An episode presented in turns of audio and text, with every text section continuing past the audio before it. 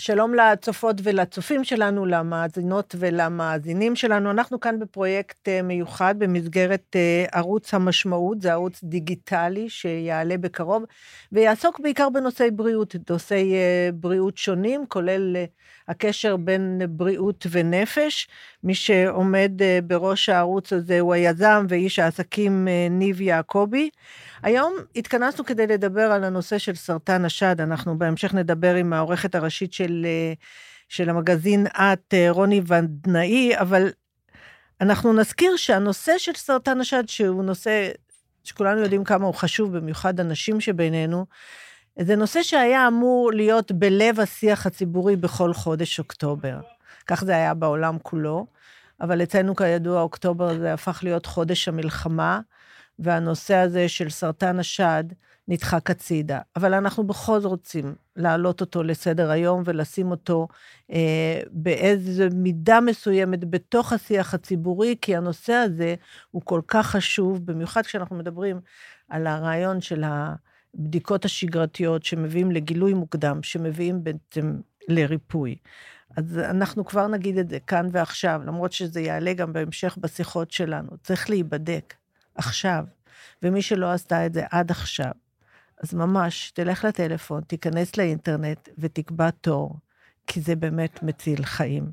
אנחנו רוצים להגיד תודה לערוץ המשמעות שאנחנו מתארחים בו, אנחנו רוצים להגיד תודה למגזין את, לבנק הפועלים ולחברת פייזר על הדיון שאנחנו הולכים לקיים עכשיו, ואני שמחה להגיד שלום לשחקנית, לזמרת, לעוד הרבה דברים. שרון חזיז, שלום לך. אהלן, מה שלומך? בסדר. קודם, אה, לפני שנדלקה המצלמה, ספרנו כמה שנים את אחרי. נכון. ואמרתי, יואו, איך עבר הזמן, כמה כן. שנים? 18 אה, תכף. 18. כן. זה באמת הרבה. זה הרבה. וכמה זה נוכח בחיים. שלך עכשיו? לצערי זה די נוכח, כי עד היום מלא נשים שחולות בסרטן השד, אה, מתייעצות איתי, אם זה באינסטגרם, אם זה בפייסבוק. יש איזה מין אה, הרגשה, תמיד, גם לי זה קרה כשחליתי, כשאתה מכיר מישהו שהוא מוכר והוא חלה, אז נורא קל לקבל ממנו כאילו השראה אולי, או אני לא יודעת אפילו איך... טיפים אפילו. טיפים, או אני זוכרת שכשאני חליתי, קיילי מינוג, הזמרת, חלתה איזה ארבעה חודשים לפניי. טוב, לא יכולתי לדבר איתה מן הסתם בטלפון, אבל מאוד עקפתי אחרי השלבים שלה. וזה באיזשהו מקום עשה לי טוב, כאילו, אתה יודע, צרת רבים חצי נחמה כזה. אמ, אז אני יכולה להבין את ההתייעצויות, רופאים, ניתוחים. אז אומרים, הנה, אה, תלכי לשרון, היא עברה את זה, היא תגיד לך, היא תרגיע אותך, היא זה, כן, כאלה מין. כן, וגם עברתי את זה בגיל יחסית צעיר, שהוא אמ, גיל שאתה לא חושב שאתה תחלה. במחלה הזאת. כמובן שאחרי ש... עכשיו אנחנו יכולים להגיד שעם הזמן, הגיל של החולות הופך להיות יותר ויותר צעיר. נכון. בת כמה את היית? אני הייתי בת 36. אמ, אני מכירה נשים, אה, נשים, בחורות, שחלו גם בצבא. אה, גם בגילאים הרבה יותר אה, צעירים, המון נשים חולות בזמן הריון, מתגלים להם גושים. ומה שהכי חשוב זה לומר לכל מי צופה בנו שהשד הוא לא כזה נוראי, אם אתה באמת מגלה את זה בזמן. אז זהו, אז בואי לפני שנתחיל את זה, אני רוצה לשאול אותך, חוץ מזה שאת עוזרת ומייעצת, הפחד שזה יחזור, קיים? אמ, אני יכולה להגיד לך שאני עשיתי את הכל כדי שהסרטן הזה לא יחזור. זאת אומרת, אמ, אה, אני חליתי, אה, מצאו לי בהתחלה גידולים בשד אחד, ואחר כך מצאו לי כל מיני אה, טרום סרטנים בשד השני. נתנו לי את האופציה להוריד שד אחד ולעשות שחזור בשד אחד, והייתה לי אונקולוגית כזאת מאוד קשוחה, שאמרה לי, הצעירה, תלכי על כל הקופה, מה שנקרא. ואני פשוט עשיתי אה, ניתוח של שחזור, הוצאתי בעצם את כל הרקמה השומנית שלי מהשדיים. אז עשיתי את המקסימום כדי ש... אבל את יודעת, זה כאילו, אה, כשאתה חולה בסרטן, אתה נכנס למועדון. למועדון שאתה רוצה להיות בו, אבל אתה כאילו במועדון הזה, ובמועדון הזה אתה כבר... אה, פוחד. יודע, כן, זה, זה מועדון שאתה לא רוצה להיות בו, אבל אתה אין שם, אתה לא יכול לצאת ממנו, אתה שם. אני יכולה לומר לך שבמקרה הספציפי שלי, לפני שחליתי בסרטן השד, הייתה לי מחלה מאוד מאוד קשה שנקראת היפוכונדריה. ופה אנחנו מגיעות בעצם לגוף ולנפש, וההיפוכונדריה... מה, ממש הייתי היפוכונדריה? מאוד. מאוד, ב... אני יכולה, אם היה לנו זמן, הייתי מספרת לך על... מה למשל? תני לי דוגמה. חזרתי יום אחד מהופעה, והרגשתי לא טוב והכיתי, וראיתי שאני מקיאה דם, אז הלכתי ישר לבית חולים, ומסתבר שאכלתי מצטות, שתיתי מצטות. הכל, כל דבר היה מקפיץ אותי לבית חולים, כל כאב, כל... ואני לא יודעת איך, זה, אני לא פסיכולוגית, אבל ברגע שחליתי בדבר האמיתי, עברה לי ההיפוכונדריה. אז אני פחות עסוקה היום, משום מה, 아, אה, במחלות, מעולה. מאשר, אם אני יכולה להגיד לך משהו טוב שקיבלתי. כי אני יודעת שהכאב הזה משתק. הרבה ממחלימי ומחלימות סרטן, הכאב והפחד שזה יחזור, הוא משתק. נכון. אז uh, אני, ברור שאני פוחדת, כמו גם קצת קשקשנו לפני על הגיל ועל בגרות, וכאילו על כל מיני תהליכים שאנחנו עוברים עם הגיל, אבל uh, אני פחות פוחדת מפעם, כאילו, בגילאי ה-20 שלי פחדתי יותר ממחלות. איך גילית? Uh, זה גם, זה להקשיב לגוף, מה שנקרא. אני מאוד הקשבתי לגוף כתוצאה מההיפוכונדריות שלי. אני, לפני שגיליתי, היה לי סיליקון בשדיים. זאת אומרת, ילדתי את בתי, אה, הרגשתי שהשדיים שלי לא מספיק יפים יותר, והלכתי לעשות סיליקון בשדיים. הגדלה. הגדלה. ויום אחד באמת הרגשתי, תוך כדי שהתקלחתי, גוש ב... בין בית השחי לשד. אה, הלכתי לרופא משפחה שלי, והוא בגלל שהוא מכיר אותי, כל הסיפור אה, זאב זאב, הוא אמר לי, די, תפסיקי, את קצת מצוננת, זה בלוטה של, של הצינון שלה, יש את הבלוטות אה, לימפה, ו... ואז אמרתי לו, לא, לא, אני מרגישה לא בסדר. ואז הלכתי לרופא שניתח אותי, של השדיים. ואז הוא אמר לי, לא, זה בטח איזה בלוטה קטנה מהשד. הם די חיפפו אותי. וואו. ובלי שום קשר, כמה ימים אחר כך באמת הייתי מצוננת, והלכתי לרופא, דוקטור ציק, אף אוזן גרון שלי, שהוא רופא מאוד מאוד נחשב ומעולה. ואמרתי לו, תקשיב, דוקטור ציק, אני יודעת שאין לך שום קשר לשד, אבל אני כולי מפוחדת. שני רופאים אמרו לי לא, שהכל בסדר, אבל משהו באינטואיציה שלי מרגיש לי לא טוב עם הגוש הספציפי הזה. והוא אמר לי, את יודעת מה, בואי, תני לי להתבונן, התבונן, ואמר לי, מפה את רצה לכירורג שד באיכילוב. זאת אומרת שדווקא ההתעקשות שלי אה, הצילה אותי. מדהים, מדהים. כן, ההיפוכונדריה, את מבינה? אז... אבל קודם כל זה מלמד אותנו באמת כאילו להתיידד עם השדיים שלנו. לבדוק אותם, להסתכל עליהם, לראות מה קורה בכל גיל, בכל גיל. נכון. בכלל עם הגוף שלנו, לא? נכון. לא, אבל אם אנחנו מדברים ספציפית על זה, כי זה באמת מציל חיים. זאת אומרת, אם את מגלה, ו... באמת, את יודעת שאני מכירה אנשים שהרגישו את הגידול, ומהפחד שזה זה, הם התעכבו עם ללכת לרופא. ולא נעים להגיד, אבל הם שילמו על זה אחר כך מחיר יקר. אז, ה, אז הקטע הזה הוא מאוד משמעותי. צריך להגיד לנשים שגם אם חלילה הן חולות בסרטן השד, זה לא סוף העולם. זה לא סוף העולם. אני מכירה המון בחורות שעברו את זה, שרק הוציאו להם את הגידול, או שהוציאו להם את הגידול ועשו להם הקרנות. וגם כמוני, אני עברתי את ההארדקור של המחלה, כאילו, את כל הקרחת ואת כל ה... את יודעת, את כל הכימו והכול. וגם ברגע שאתה נמצא אה, באנרגיה טובה וחיובית, אתה יכול לעבור את זה באמת בסדר. אבל עכשיו אני רוצה לגעת על, על בעיה אחרת, כי השדיים זה איבר מאוד נשי, כמובן, ונשים והשיער. נכון. זה שני דברים, את יודעת, אני, אני, אני וכשזה נפגע, זה כאילו גם פוגע בנשיות באיזשהו אופן. את, את חווית את זה ככה? תראי, אין אישה שלא חולה בסרטן שד ולא אומרת לי את המשפט הבא. אני מתביישת להגיד, לשאול, אבל מה עם השיער? לא אכפת לי כלום, העיקר הזה. גם אני הייתי ככה. אז עכשיו יש, גם, יש לנו גם בשורה לנשים, את יודעת. פעם הם היו עושים כימו אוטומטית כמעט לכל חולת סרטן שד, עכשיו הרבה הרבה פחות. ביולוגי יותר? עכשיו יש פחות. יותר הבחנה, הם יודעים יותר לאבחן מי צריכה ומי לא. פעם הם היו הולכים על בטוח, בצדק, עדיף, את יודעת. אבל עכשיו פחות. פחות. וגם הפאה שהייתה לי, היא הייתה כל כך טובה, שאני זוכרת שנכנסתי לאיזו מונית, והנהג אמר לי, תראי חלית ותראי איך גדל לך השיער והכל בסדר, והוא לא ידע שבכלל אני כאילו הכי קרחת באותם רגעים, והכי בתוך הטיפולים. אז בואי אני אספר לך משהו. אני שידרתי בטלוויזיה. עם פאה, ואף אחד לא ידע.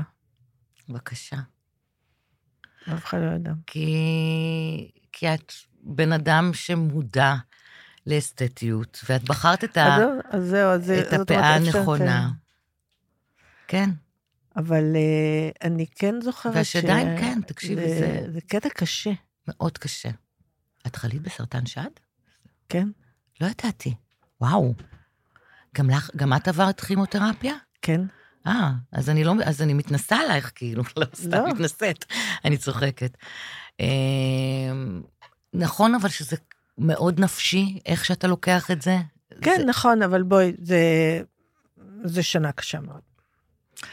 זו שנה קשה, את צריכה את המשפחה ואת אחת החברים. שאת עושה את כל, כמו שאת אומרת, את כל החבילה, את הכימו, את ההקרנות, את הניתוח, את הכל. אני לקחתי את זה כמו ניהול. יאללה, שנה נכון. שאני מנהלת הכל. טק, טק, טק. אבל אני לא, את אמרת משהו שאני מודה שאני לא מבינה אותו גם אצל. חולי סרטן אחרים, כן. שהמחלה העצימה אותך. איך היא העצימה אותך? קודם כל, לא אמרתי את זה. לא אמרתי שהיא העצימה אותי. אמרתי שבזכות המחלה, נפטרתי ממחלה אחרת שנקראת היפוכונדריה. ואני בטוחה שמי ששומעת אותנו או שומע אותנו והוא היפוכונדר, מבין עד כמה המחלה של היפוכונדריה זה דבר קשה. זה להרגיש כל הזמן שאתה חולה, ואתה לא. אז uh, היא העצימה אותי בנקודות מסוימות, והיא לא העצימה אותי בנקודות אחרות. שלפי דעתי, למשל, אה, לא שמים מספיק דגש על מה קורה אחרי המחלה.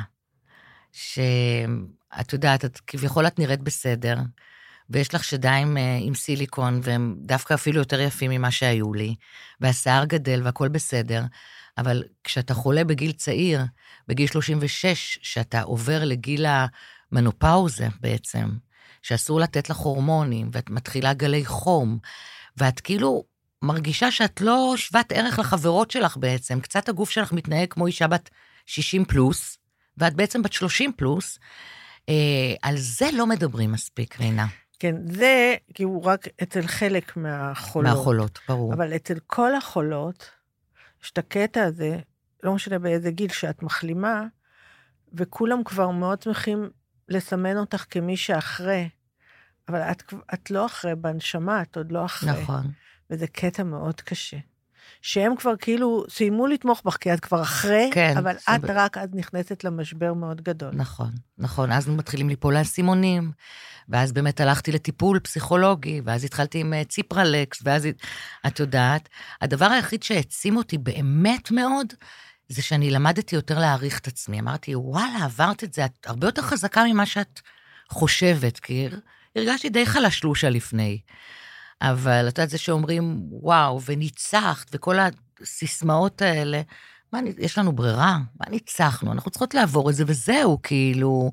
אז באמת יש כאלה שעוברות את זה הרבה יותר כבד, ובזמן שחליתי הרגשתי את זה ממש בטיפולים הכימותרפיים, הרגשתי את הנשים שבאות וכאילו מוותרות לעצמם קצת, שיוצאות מהבית כבר עם הקרחת וכאילו אה, כזה, ויש את הנשים שנורא חשוב להם לצאת ולהתאפר, ו... ואני אחרי כל טיפול הייתי הולכת לאכול במסעדה טובה, וכאילו ניסיתי לגרום לעצמי כיף, עד כמה שיכולתי. זה משפיע על החיים האישיים? אמ, תראי, קודם כל, שאני לא אדכא פה את הצופות, כן, אבל קודם כל, כשסיימתי את המחלה, היה איזה רופא גינקולוג שאמר לי אה, על סקס, בואו נדבר רגע על סקס. אמר לי, תקשיבי, את במנופאוזה, את לא ת, תחווי סקס כמו שחווית פעם.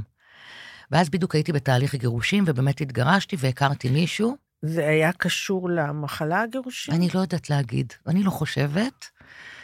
אה, יש לי חברה שהיא מנהלת איזו מחלקה באיכילוב שקשורה לסרטן השד, והיא אומרת שאם היא תעשה סטטיסטיקה, המון נשים חולות בסרטן השד מתגרשות. כן? לא יודעת למה, אבל אה, אני יכולה להגיד לך שכל הקטע של המנופאוזה, למשל, שנשים זה הכל בראש שלנו, והראש שלנו יכול כל הזמן אה, לגרום לנו להיות הכי נשיות והכי מיניות. אגב, אני גם הורדתי שחלות, כאילו הוצאתי את כל, כביכול, האיברים הנשיים שלי. אה, באמת? כן, לא יכולתי להביא ילדים אחרי זה. כאילו הייתי, הרגשתי בעצם שכל ה... זה היה קשה? מבחינה ניתוחית, כלום. לא קשה, זה לא היה קשה. בכלל. המחשב, גם, ברגע שהיא אמרה לי, תוציא, אמרתי, יאללה, אני מוציאה, לא הבנתי את ההשלכות של זה. באמת ההשלכות ה, ה, של המנופאוזה, אה, שאני שנים, דרך אגב, מחפשת שתי מילים, משהו שיחליף את גיל הבלוט, ומשהו שהוא יחליף את כריתת שד. לא מצאתי, אבל... גיל הבלוט זה באמת דבר זה נורא. דבר נורא. גיל המעבר, נגיד. גיל המעבר, וכריתת שד, שזה גם אה, נורא מפחיד, נשים שחולות, שאומרים להם, אתן צריכות לקרוא את השדיים. זה היה נשמע לי כאילו... כמו גרזן. איזה, כן, איזה רופא בא עם גרזן וכורת, וזה לא, זה תהליך כירורגי שמנקים את הרקמה של השד, ואין, אבל אה, תראי, שוב, לדעתי, ההשלכות של אחרי הסרטן, הן השלכות שצריך לדבר עליהן. זה כמו שנשים מדבר, לא מדברות מספיק על מה קורה אחרי שאת יולדת, הן יכולות לדבר על ה... על ההיריון, כמה שקשה ההיריון וזה, ואחרי הלידה יש נשים שנכנסות לדיכאון, יש כל מיני דברים כימיים שקורים לנו במוח, שאת, הורמונים. אני אה, מאוד שמרתי את זה בסוד. ואני חושבת שזו פעם ראשונה כן, שאני מדברת על זה. אני לא ידעתי, את רואה? התלבטתי כל הערב אתמול. לא בא לי לדבר על זה, בא לי לשמור את זה לעצמי. אבל את יודעת, אה, וכל אחד בוחר איך יותר נוח לו, ואת היית מאוד, אה, מאוד פתוחה עם זה. נכון. זה עזר? וואו. אני, אם היית מדברת איתי, הייתי אומרת לך, דחוף, תספרי לכמה שיותר. לא, אבל זה קשור לכל אחד, לא, הסביבה הקרובה שלי ברור ידע, אבל זה קשור לכל אחד איך שהוא מתמודד עם הדברים, אני חושבת.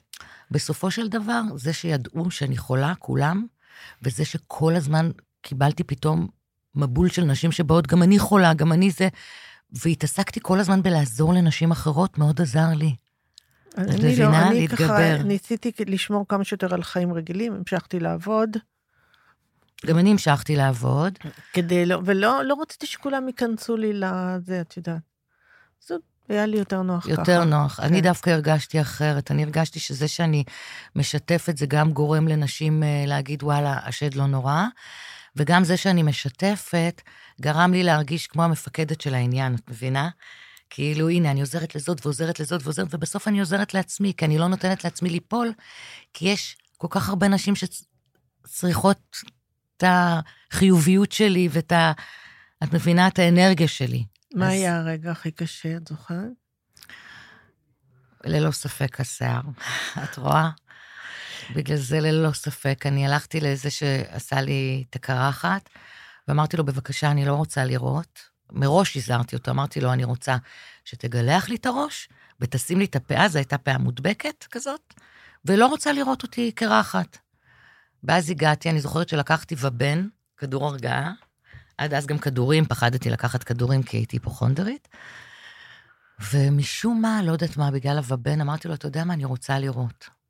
וראיתי את עצמי קרחת. זה היה קשה, זה היה קשה מאוד. אה, ובכלל, כל... בכית? בכיתי, כן. כל התהליך הזה של הטיפולים, ושמאוד עולים במשקל בגלל ה... עליתי אה, שבעה קילו נכון, במשקל. ואת יודעת, כאילו, אנחנו נשים, בסוף כל הנשים הן אותו דבר, אנחנו רוצות להרגיש טוב בשביל עצמנו. לא, ברור, ברור. כל בן אדם רוצה להיות יותר אסתטית. כן. עכשיו, גם גברים לא אוהבים להיות שמנים, זה לא רק אנשים, נכון. את יודעת. אה, זה, אבל זה באמת הקטע של השיער, זה קטע. את יודעת שאני בסוף, כדי להקליל לי את העניין, התחלתי למדוד פאות בלונדיניות ולצלם את עצמי בכל מיני פאות מצחיקות ולשלוח. אבל לחברים. לפני שירד לך השיער, לפני שנשר. כן, וגם כמו בקיצור, זה, זה נקודת שבר, זה מדהים, זה לא... לא פוסח על אף אחת. כל אישה בסוף תזכור את הרגע הזה יותר מאשר את הרגע שהודיעו לה אפילו. הנה, ברגע שהודיע לי הרופא... ישר חשבתי לשיער. לא רק שישר חשבתי לשיער, אחרי חמש דקות שהוא אמר לי וזה, נכנסתי ל... זה היה באיכילוב, נכנסתי לחדר ליד של האחות הראשית שם, שיש שם כל מיני פאות שהן של מתנדבות, כן. שמת, אה, שזה, וישר אספתי את השיער. אה, עוד דבר, אני זוכרת שהגעתי הביתה, לקחתי מספריים, ותפסתי לעצמי את השיער ופשוט גזרתי אותו. להקרא הכי קצר שיכולתי, ואז אמרתי, וואלה, יפה לי קרא, לא נורא. כאילו, רציתי להגיע לזה בשלבים. אבל גם הייתה לך ילדה קטנה, שזה התמודדות נכון. בכלל, נראה לי, ממש קשה. וגם כשקשורה לשיער, כי ילדה בת שלוש וחצי, הדבר שהיא הכי אוהבת בעולם זה לשחק לאימא בשיער, ולעשות לה קוקיות וצמות, וזאת הייתה גם הסיבה שהחלטתי ללכת על על פאה שנדבקת. את יודעת שמוציאים כן. כל שבועיים ומדביקים בחזרה. אז uh, היא לא הרגישה, וגם שיתפתי אותה. אמר, לא אמרתי לה שיש לי סרטן, היא גם לא ידעה מה זה סרטן, אבל היא ידעה שפעם בשבועיים אמא הולכת עם אבא לבית חולים, יש לה פצע בציצי, ומתקנים לה את הפצע ומרפאים לה את הפצע. וכשהיא הייתה בת שש, כבר, כבר, כבר הלכה לכיתה א', פחדתי שהיא סתם תעשה, תגלל את השם שלי בגוגל, כן. אז כבר סיפרתי לה. ו... אז בואי, מה לסיום המסר שלך לנשים, מהגיל, בגילאים שונים? המסר שלי לא לפחד ללכת להיבדק, כי זה באמת קריטי. זה הכל, כאילו, זה קריטי. אה, ולא לפחד מהמחלה הזאת. ואפילו זה יישמע נורא, אולי מה שאני אומרת לנשים מסוימות, אבל כאילו, כשאני חליתי, אמרתי, ברוך השם, זה סרטן שד. זה באמת סרטן שאפשר להתגבר עליו, ורוב הנשים מחלימות ממנו, וגילוי מוקדם מציל חיים. ואת נראית נפלא. תודה, גם את, ממש. ואת אה, מחלימה מפוארת. תודה. ותודה רבה לך על השיחה הזאת, שרון. תודה לך, רינה, רק בריאות. אמן.